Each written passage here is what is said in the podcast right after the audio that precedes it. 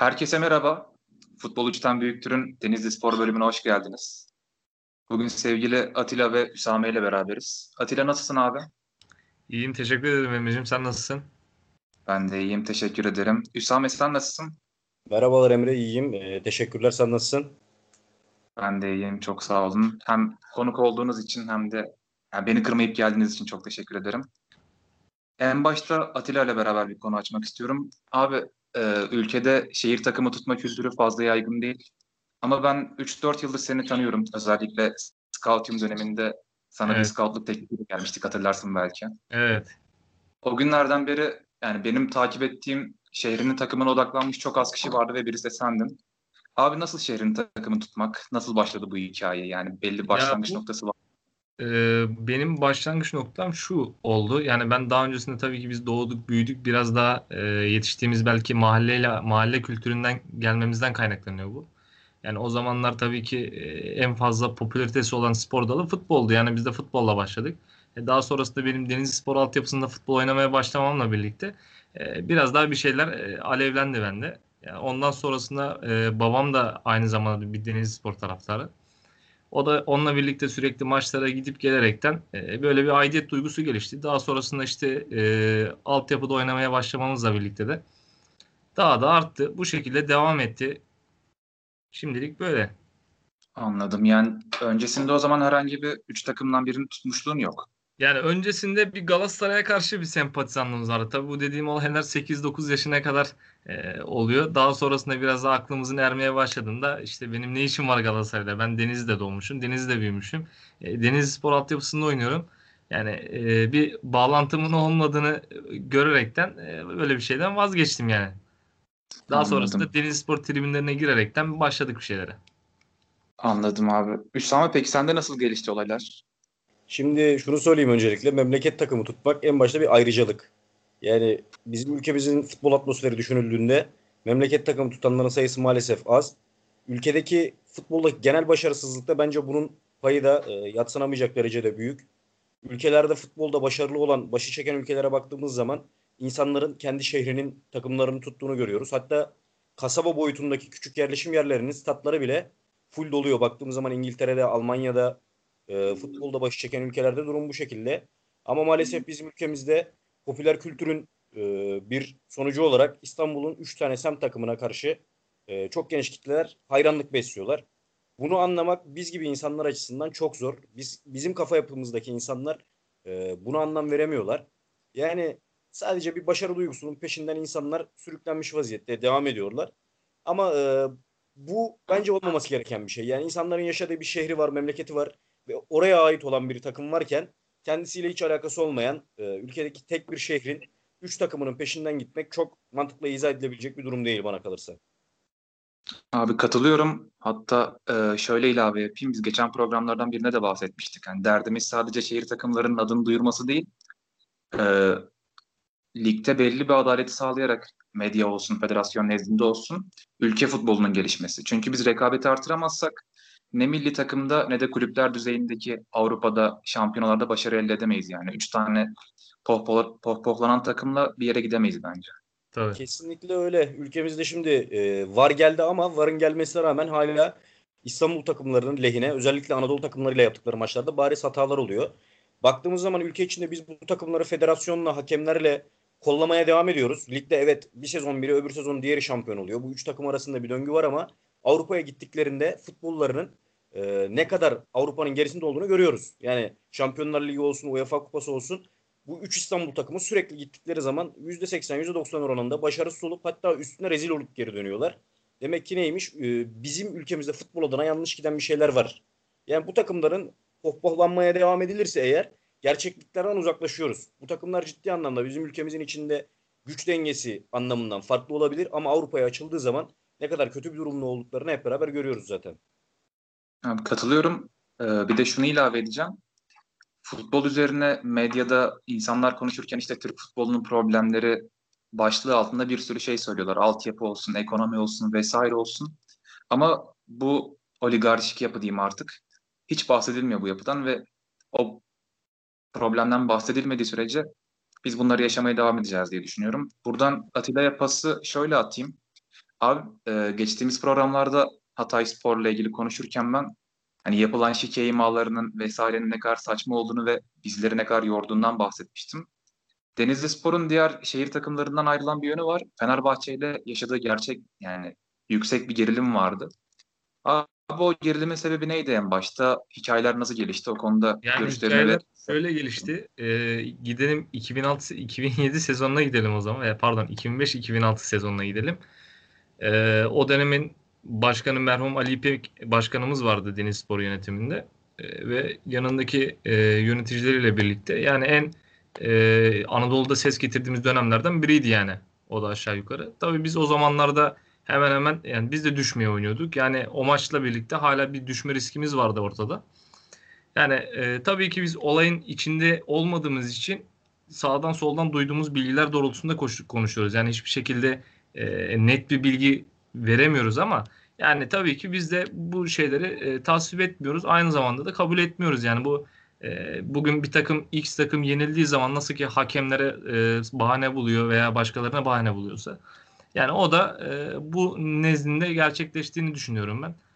Yani e, bir ortada bir başarısızlık var. Bu başarısızlık Fenerbahçe için e, şampiyonluktan kopma nedeniyle gerçekleşiyor. E, bundan dolayı bir ortaya atılan bir iddia var. Yani biz de bunu tasvip etmiyoruz, onaylamıyoruz ama bu şekilde devam etti. Yani Fenerbahçe camiasından hala bu şekilde tepkiler gelmekte bize. İşte her sene e, şikeci kulüp, şikeli takım, işte Galatasaray'dan aldığınız paraları gibisinden ithamlarda bulunuyorlar. Yani bu ithamlar yıllar sürede de devam edeceği benziyor yani. Anladım abi. Buradan Üsame'ye şu şekilde pas atayım. Normalde biz bu kanalı kurarken işte 3 İstanbul takımına da eşit mesafede yani bizden uzak Allah'a yakın yani o tarz bir mesafede durmaya çalışıyoruz. Ee, Denizli Spor taraftarı nezdinde Fenerbahçe'ye karşı biraz daha uzak olma eğilimi var mı? Yoksa diğerleri gibi yani Allah'larından bulsunlar deyip bırakıyor musunuz işi? Bu konuya şöyle bir açıklama getireyim.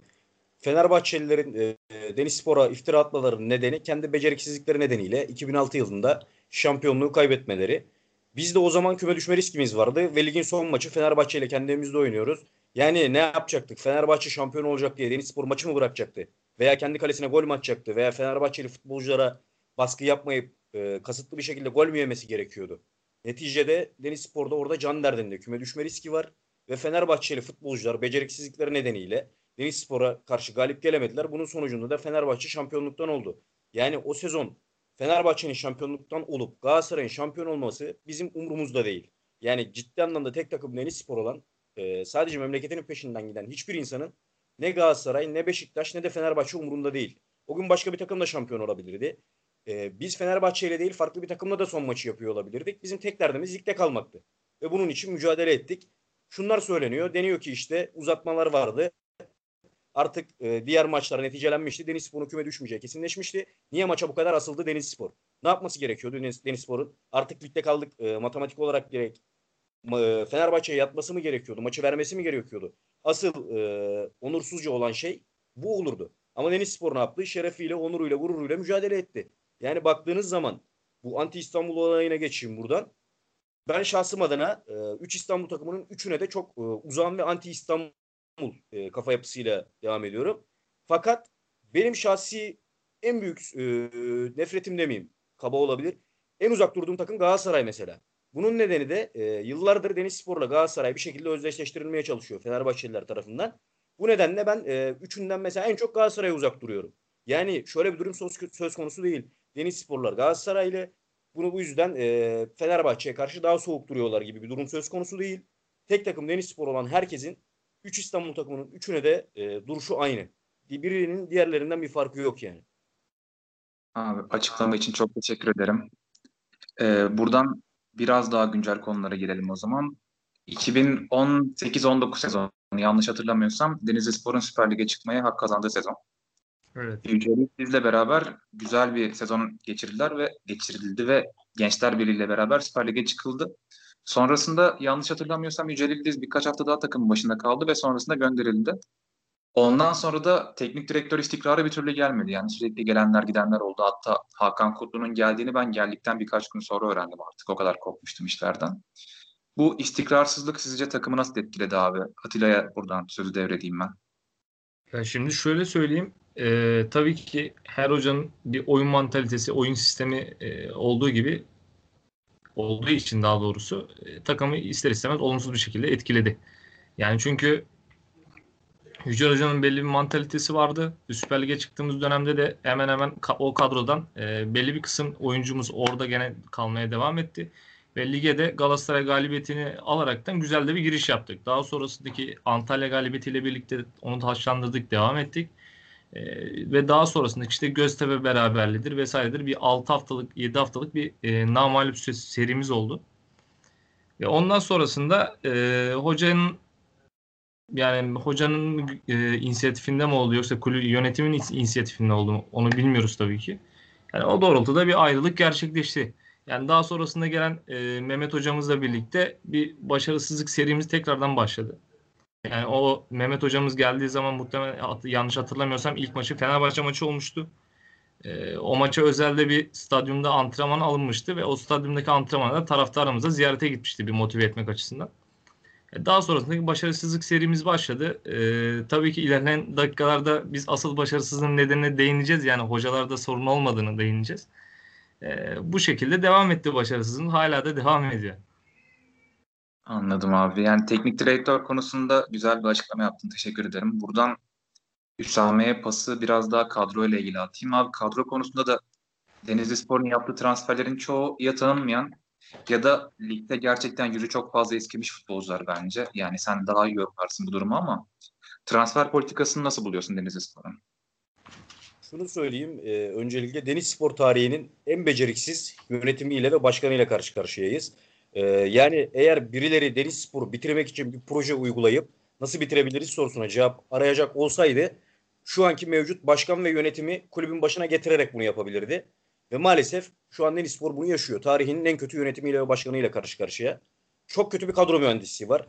Burak Özsaraç adında e, futbol adına nitelikleri tartışılacak kadar e, düşük olan bir adamı sportif direktör olarak getirdiler.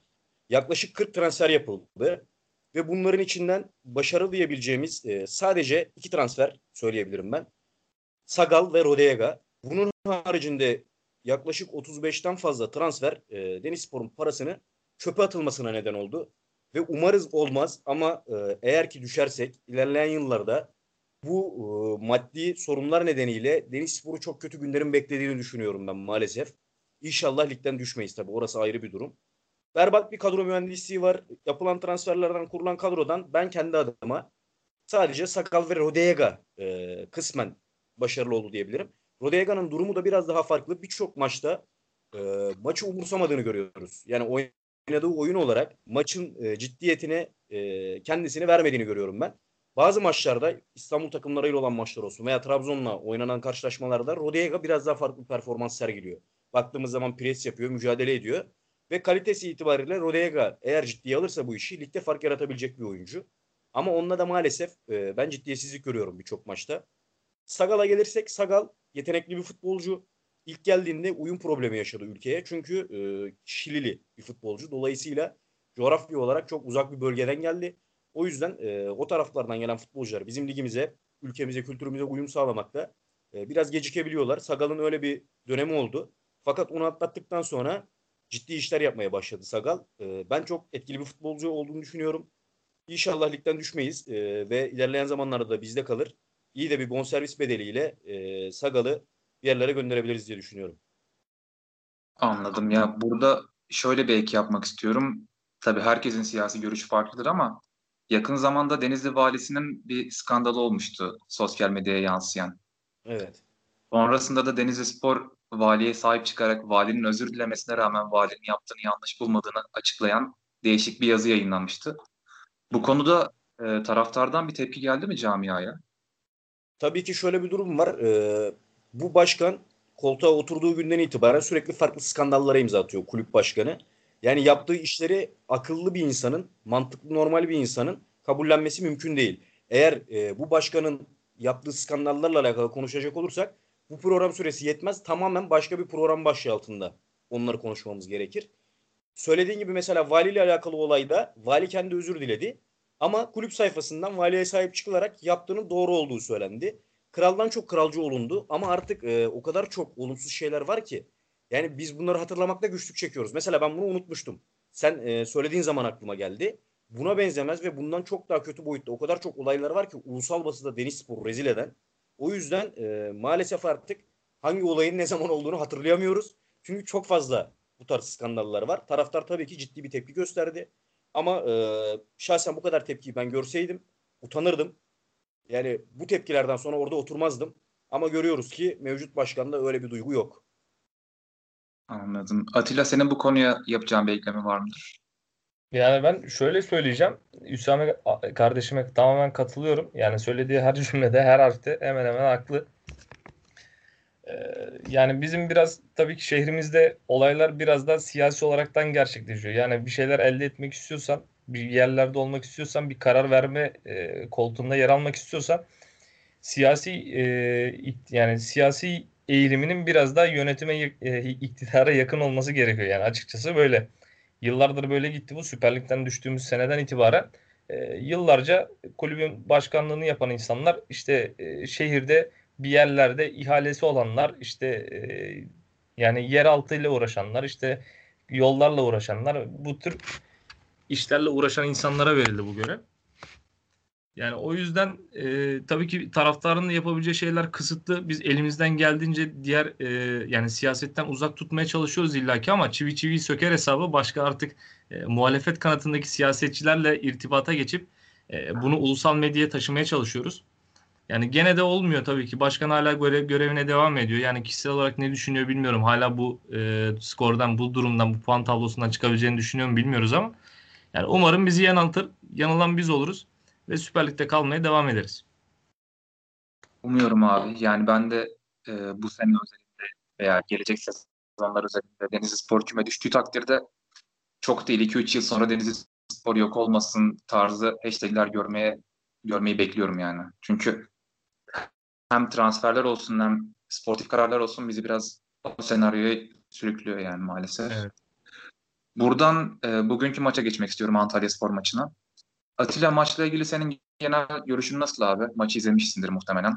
Ya maçı tabii ki izledik yani gene e, tabii istenilen bir deniz spor yoktu sahada yani e, fakat yani geçtiğimiz maçlara göre biraz daha oyuna ağırlığını koymaya çalışan oyunu biraz daha domine etmeye çalışan e, bir deniz spor vardı.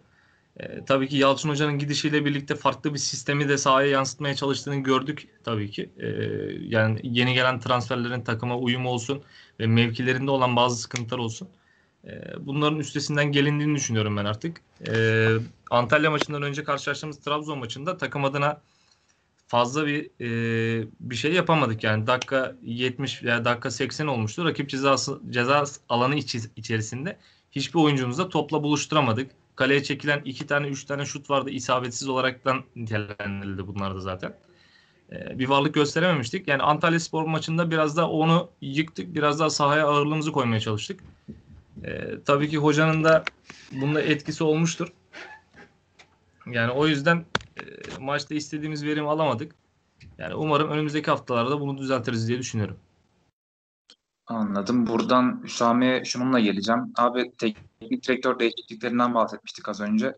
Hakan Kutlu'nun e, kullandığı taktiklerle ilgili veya sahaya sürdüğü 11'lerle ilgili düşüncen nedir? Böyle devam etmeli mi sence yoksa en azından eldeki imkanlarla sence nasıl bir 11 sahaya sürmeli?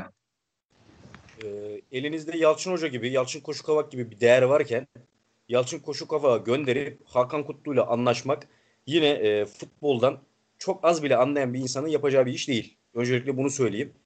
E, şunu da eklemek istiyorum. Bana kalırsa Yalçın Koşukavak mevcut teknik direktörler içinde ülkede en çok gelecek vadeden hoca diyebilirim. Çünkü Yalçın Koşukavak gerçekten farklı bir hocaydı. Bizim alıştığımız, ülkemizde alıştığımız hoca profilinin dışında bir hocaydı. Adeta sihirbaz diyebiliriz Yalçın Koşukava. Çünkü maç içinde e, devreleri geçtim. Pozisyonlar itibariyle bile her an farklı bir değişikliğe imza atıp adeta e, imkansızlıklar içinde imkan yaratan bir hocaydı Yalçın Hoca. Ve bence hak ettiği değeri de görmüyor. Burada şöyle sözünü kesmek isteyeceğim de sevgili Edizör bize bir soru sormuştu Yalçın Hoca ile ilgili. Hem birleştirmiş olalım diye kestim. Yalçın Hoca'nın gönderilmesi sizce doğru bir karar mıydı? Ki cevaplamışsın, cevapladın az çok bunu. Yalçın Hoca zaman Denizli'nin maç içi dizilişleri hakkında ne düşünüyorsunuz diye sormuş. Onu da cevaplayabilirsen seviniriz. Evet, Yalçın Hoca'nın gönderilmesi kesinlikle doğru değil. Hak ettiği değeri görmeyen bir hoca olduğunu düşünüyorum. Ve eğer e, liyakatli bir şekilde teknik direktörlerle çalışılırsa Yalçın Hoca'nın önümüzdeki yıllarda ülkemizdeki ben en nitelikli hoca olacağını düşünüyorum. Yani şunu söylemiyorum, en iyi hocalardan biri olacaktır demiyorum. Çünkü çok farklı bir yapısı var. E, kafası çok farklı çalışıyor. En iyi teknik direktör olmaya aday görüyorum ben Yalçın Hoca'yı. Şayet hak ettiği şekilde değer görürse. Maç içinde söylediğim gibi e, bir anda büyük değişikliklere imza atabiliyordu. Kadro itibariyle bizim kadromuz kötü. E, ligin en kötü kadrolarından birine sahibiz. Hatta en kötüsü olabiliriz. Ama buna rağmen Yalçın Hoca geldikten sonra e, hemen hemen her maçta rakibi maç başlar başlamaz adeta e, biraz daha böyle eskiye nazaran kendi sahasına hapseden bir Deniz Spor vardı. Yani elindeki imkanlarla yapabileceğin en iyisini yapıyordu Yalçın Hoca. Ve dediğim gibi alışılagelmişin dışında şeyler de sergilediği için rakipler de açıkçası buna önlem almakta zorlanıyordu. E, şöyle bir şey var tabii istatistiklere çok yansımadı Yalçın Hoca'nın e, başarısı bizde. Çünkü siz teknik direktör olarak ne yaparsanız yapın o topu kalenin içine futbolcu sokuyor ve burada sizin kaliteli futbolcuya ihtiyacınız var. Dolayısıyla siz ne kadar iyi bir taktisyen olursanız olun neticede o top iki direğin arasından, üç direğin arasından bir futbolcuyla girecek. O kaliteye de sahip değilseniz maalesef 3 puanı hanenize yazdıramıyorsunuz. Ama Yalçın Hoca'nın ben gerçekten e, çok farklı bir hoca olduğunu düşünüyorum. Bu imkansızlıklar içinde bile e, iyi futbol oynatmıştı bize. O yüzden e, yani mevcut durumda Hakan Kutlu'yu ben başarılı görmüyorum. Zaten ligden düştüğümüz sezonda da Hakan Kutlu vardı. Yani futboldan sıradan bir şekilde ortalama anlayan bir insanı da götürseniz Hakan Kutlu'nun yaptığı işi yapacaktır. Yani Hakan Kutlu'nun ben şu an takıma olumlu yönde hiçbir katkısını göremiyorum. İlk 11 yazıyordur muhtemelen. Yani tek katkısı veya en büyük katkısı bu diyebilirim. İlk 11'i belirlemek. Onun yani ben değinmek istiyorum bu konuya. Ee, evet. Şimdi Yalçın Hoca'nın biraz daha tabii ki yetiştiği çevreden dolayı olsa gerek veya ekibiyle olan bağlantısından gerek e, sürekli kendini güncelleyen bir insan. Yani ben de uzaktan tanıdığım, bildiğim, e, öğrendiğim kadarıyla söylüyorum bunu. Yani modern futbolu biraz daha takip eden, kendini güncelleyen, sürekli gün geçtikçe de güncellemeye devam eden bir antrenörümüz. E, tabii ki ülkemizde böyle insanlar biraz da azınlıkta olduğu için böyle insanları bulduğumuz zaman kadir kıymet bilmemiz lazım aslında. Tabii ki bunu yapamıyoruz. Yani bu aynı zamanda futbolcularımız için de geçerli. Yani kendimizi güncellemediğimiz zaman o çalışmaları, o sistemleri güncellemediğimiz zaman illaki sah- sahaya da yansıyor. Yani e, Üsame'nin dediği gibi düştüğümüz sezonda da Hakan hocamız yine takımımızın başındaydı. Yani yaklaşık olarak bir 10 senelik, 10 senelik bir zaman dilimi geçti aradan. Fakat aynı şekilde devam ediyor. Yani üstüne koyulmamış bir e, sistemsizlik diyebilirim yani daha doğrusu. Yani o hakim gene sahada. Tabii ki bunu e, oyunda ver takımın sahaya yansıttığı, bize gösterdiği performanstan dile getiriyorum. Ve hocamızın da yaptığı değişikliklerden dolayı dile getiriyorum yani. Anladım. Yalçın Hoca ile ilgili ben de şöyle bir ek yapayım. Ben Denizli Spor'un Yalçın Hoca ile çıktığı maçlardan bir tek Hatay Spor maçını 90 dakika izledim. Ve mesela o maçta siz de konuşmak istersiniz illa ki Denizli Spor özellikle ilk yarıda çok çok iyi oynamıştı Hatay Spor'a karşı. Yani takımın e, orta sahaların yapacağı potansiyel pas hatalarına kadar her şeyi çok iyi bilip kontra ataklarla e, Hatay Spor'u yenecek pozisyona gelmişti. İlk yarıda en azından 2-3 tane yüzde yüzlük pozisyonu kaçırdı. İkinci yarıda da e, Traore'nin şutunun direkten dönmesi ve ardından Muhammed'e çarpan topun girmesiyle beraber Denizli Spor geriye düşmüştü. E, diğer maçları da böyleyse eğer gerçekten Yalçın Hoca için çok büyük bir şanssızlık söz konusu. Peki e, tribünden veya işte diğer e, camiadan diyeyim Yalçın Hoca'nın gönderilmesiyle ilgili bir talep var mıydı Atilla? Yani tribünden hiçbir zaman böyle bir talebimiz olmadı. Bizler skor ne olursa olsun Yalçın hocamızın e, Deniz Spor'umuzun menfaatleri doğrultusunda bir şeyler yapmaya çalıştığının e, farkındaydık.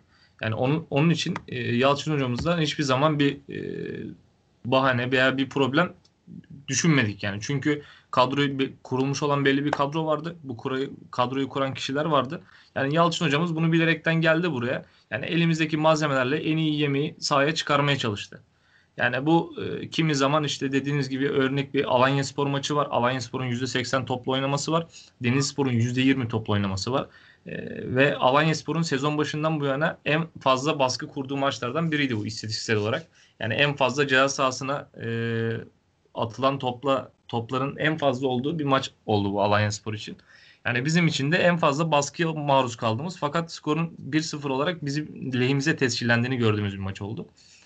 Yani ona rağmen e, bizler her zaman Yalçın hocamızın arkasında olduk. Yani daha sonrasında gerçekleşen mağlubiyetlerle de ne olursa olsun bizler gene sahaya çıkardığı e, kadronun veya yaptığı değişikliklerin her zaman yanında olduk. E, fakat bu dediğimiz gibi bizim e, düşüncelerimiz doğrultusunda gerçekleştirmedi. Yani biz her şekilde Yalçın hocamıza işte sosyal medyadan olsun veya yönetime e, bazı yerlerden olsun hep kalmasını istedik. Yani o yönde bir şeyler e, direktif verdik. Ama gene de kalmadı. Yapacak bir şey yok. Yani bu yönetimimizin e, düşüncesi artık. Anladım. Buradan Üsami'ye şu soruyla geleyim abi. Sezonun geri kalanıyla ilgili öngörün nedir acaba? Ligden düşme konusu olsun veya ligde kalırsanız devamı ile ilgili olsun. Senin öngörülerini merak ediyoruz. Bu konuda şöyle bir şey var. Ee, bir temennilerim var, istediklerim. Bir de maalesef gerçeklikler var. Öncelikle temennimden bahsederek başlayayım. Tabii ki kesinlikle e, Denizspor Lig'de kalmasını istiyorum. Ligden düşmesini asla istemiyorum. Çünkü küme düşersek e, bu sefer çok büyük bir enkazla düşmüş olacağız. Ve ilerleyen süreçlerde açıkçası bizi çok kötü günlerin beklediğini düşünüyorum. Bunun sorumlusu da Ali Çetin ve yönetimidir. Net olarak e, bu işin sorumlusu bunlardır. Ve e, şuna gelecek olursak ben e, ligde tutunmamızın çok zor olduğunu düşünüyorum. Neden derseniz transfer sezonu kapandı. Hakan Kutlu gibi e, bir hocayla anlaşıldı. Eğer Yalçın Hoca kalmış olsaydı ben e, umutlarım biraz daha taze olurdu veya ne bileyim umutlarım e, var olabilirdi ligde kalacağımıza dair. Ama Hakan Kutlu ile anlaşıldıktan sonra artık e, iyice umutlarımı yitirmeye başladım. Ki zaten dur, yönetim ve başkanın durumu da ortada. Böyle bir başkan, böyle bir yönetim ve böyle bir hocayla ayrıca böyle bir kadroyla ligde kalmamızın çok çok zor olduğunu düşünüyorum.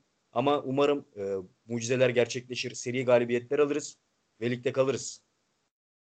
Teşekkür ederim. Buradan Atilla'ya biraz daha ütopik bir soruyla geleceğim. Abi oldu ki Denizli Spor Lig'de kaldı ve yine oldu ki yönetim seni sportif direktör olarak takım başına getirdi. Hangi hocaya getirirdin? Hangi transferleri yapardın? Direkt isim isim de değil de hani mevkisel olarak nerelere ihtiyaç var ve e, devamında nasıl bir strateji yürütürdün takımla ilgili? Yani ben stratejimi şu doğrultuda gerçekleştirmek istiyorum. Her ne kadar şu an yabancı statüsünde biraz daha esneklik olsa da ben bir takımda yerli oyuncuların daha ağırlıkta olduğu olması gerektiğini düşünüyorum. Çünkü e, yabancı futbolcular dediğimiz gibi e, Kolombiya'dan, Almanya'dan, oradan buradan farklı ülkelerden geldikleri için biraz da aidiyet duygusu düşük oluyor yerli futbolculara göre. E, çünkü yerli futbolcuların hemen hemen e, tamamen ekmek kazancı Türkiye'den oluyor, ülkemizden gerçekleşiyor. Yani buradaki futbol kulüplerinin her zaman gözetiminde yer alıyor. Yani ol, ola ki böyle bir göreve bizi layık gördüler. O şerefe nail olduk. Yani dediğim gibi e, uzun süreli bir araştırmaya gireriz illaki. Çünkü e, oyuncu al, alacağımız zaman mahcup olmamamız lazım. Çünkü e, ortada bir deniz sporumuz var. E, bizim en değerli parçalarımızdan bir tanesi bu hayatımız boyunca.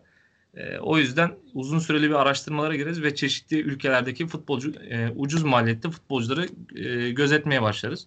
Daha sonrasında dediğim gibi ben takımı genelde yerli oyuncuların üstüne kurmaya çalışırım. Yani örnek veriyorum e, takımda her zaman nüfuslu oyuncular, yerli oyuncular olmak zorunda. Yani ben asla e, benim kendi içimde bir düşüncedir bu. Yani ben takım kaptanı hiçbir zaman yabancı oyuncu yapmam. Yerli oyuncu yaparım. Çünkü hakemle gerek ikili diyalog olsun, e, gerekse yönetimde olan bağlantısı olsun. Yerli futbolcuların biraz da takımın duygularını, ta kendisinin düşüncelerini daha iyi ifade edebileceğini düşünüyorum. E, transferlere gelirsek isim olarak da vermek gerekirse mesela e, tabii ki kalecilerimiz biraz yerli kalecilerimize biraz e, sayımız az. Maalesef o nitelikteki kalecilerimiz az. Fakat e, defans olsun veya forvet hattında olsun veya orta saha alanında olsun çok etkili yerli oyuncularımız mevcut. Yani bu Erzurumspor'dan Emrah Başsan olabilir. E, Alanya Spor'dan Efecan Karaca olabilir veya Kasımpaşa'dan Yusuf Erdoğan olabilir. Bunlar gayet sprinter özellikleri olan ve beceri seviyesi yüksek oyuncularımız. Ee, dediğim gibi yerli oyuncularımızı ilk öncelikle takıma kazandırırım. Daha sonrasında yabancı oyuncularımızı e, bu takımın üstüne sistemleriz ve hocamızı da ona göre belirleriz diye düşünüyorum. Anladım abi. Ek olarak şunu sorayım o zaman biraz daha kolay olacaktır. Bu takımda Sagal ve Rodega dışında tutacağım birisi olur muydu?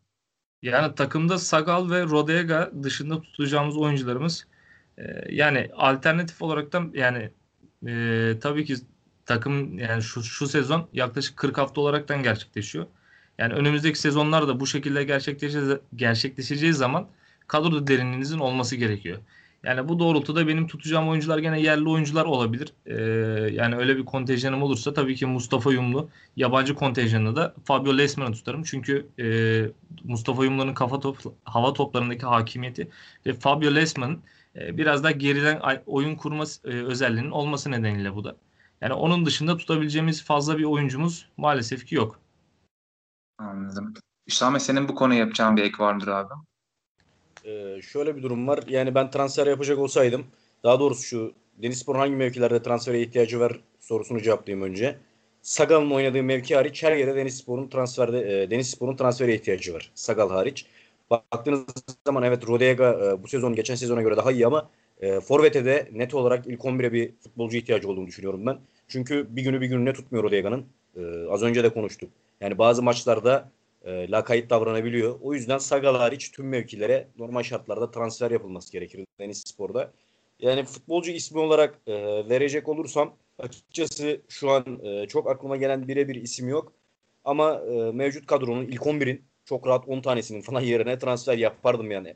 Böyle bir yetkim olmuş olsaydı. Mevcut takımdan da tutacak olduğum oyuncular e, Sakal'ı tutardım. En başta onu yazardım listeye. Onun haricinde de Atilla'nın da dediği gibi Mustafa Yumlu, Lensman, Rodega. Yani çok sınırlı bir oyuncu grubu var. Eğer ligde kalmış olursak yani veya kalırsak ilerleyen yıllarda devam edilmesi gereken top yani futbol sayısı 3'ü 4'ü geçmez mevcut kadrodan. Peki gönlünde bir hoca var mı? Efendim? Gönlünde bir hoca var mı? Hoca olarak e, dediğim gibi Yalçın Hoca'nın ben tarzını çok beğeniyordum.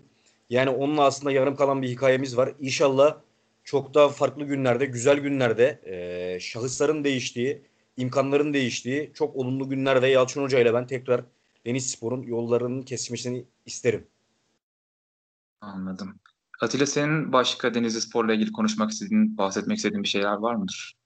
Yani ben Denizli Spor'la özellikle şu konuya değinmek istiyorum. Ee, belki yani ben e, içinde de bulundum. Süre yani orada bir 5-6 senelik bir zamanım geçti. Yani Deniz Spor altyapısında bazı sıkıntılar mevcut. Ee, yani yıllardır süre gelen bir sistemsizlik e, ha, hakim yani şu an takımda. Ee, yıllardır Deniz Spor'un altyapısının kullanımı, kullanıma açıldığı e, pardon kullanıma açık olduğu e, Zafer Katrancı tesislerimiz vardı. Yani bunun dışında gün geçtikçe tabii ki e, belediyemizin imkan, imkanları doğrultusunda farklı sahalar deniz sporumuzun altyapısına tahsis edildi. E, tahsis edildi fakat e, yani tahsis edilmesine rağmen hala bir sistemsizlik mevcut. Çünkü e, yani deniz sporunun hiçbir yaş kategorisinde e, belli başarıları elde edemiyor. Yani bu en küçük yaş grubundan olsun en büyük yaş grubuna kadar e, belli bir başarımız söz konusu olmuyor. Ve bu e, U19 takımından örnek veriyorum A takıma çıkarılan, çıkarılan futbolcular da dahil. Yani yıllardır profesyonel yapılan bazı futbolcularımız var. Fakat bu futbolcularımıza hiçbir zaman şans verilmiyor ve bu futbolcularımız sağdaki soldaki başka takımlara, X takımlara gitmek istediği zaman da bu oyuncularımızın önüne taş koyuluyor. İşte yetiştiricilik bedeli gibi e, farklı farklı ücretler çıkarıyorlar ve bunu e, gitmek yani e, sporcunun gitmek istediği takımdan tahsis etmesini istiyorlar. Yani bu da tabii ki mümkün olmuyor. 18-19 yaşındaki bir oyuncunun e, gideceği kulüpten 500 bin lira, 1 milyon gibi te, ücretli ücretlerin e, vermesi söz konusu olmuyor. Ve bu bu senede devam ediyor. Yani ya geçen e, yaptığım çalışmada da ben bunu internette kendi e, hesaplarımdan paylaştım. E, yıllardır profesyonel yapılan bazı çocuklarımız var. Fakat verilen bazı süreler var. Yani bu e, verilen süreler tabii ki e, yeterli olmuyor ve bu çocukların, bu sporcularımızın gelişimi de gerçekleşmiyor. Şu anda e, Deniz Spor altyapısında da e, bir ciddiyetsizlik hakim. Yani e, en büyük yani A takıma yakın olan yaş grubu her zaman önemlidir. Bu şu an için U19 takımı için geçerli. Yani her takımın U19 takımı şu an rezerv rezervi olduğu için o madeni işlemeleri lazım. Yani o madeni işleyip oradan e, değerli e, mücevherleri, değerli parçaları çıkarmaları lazım. Şu da şu anda Denizspor e, altyapısı için bu söz konusu değil.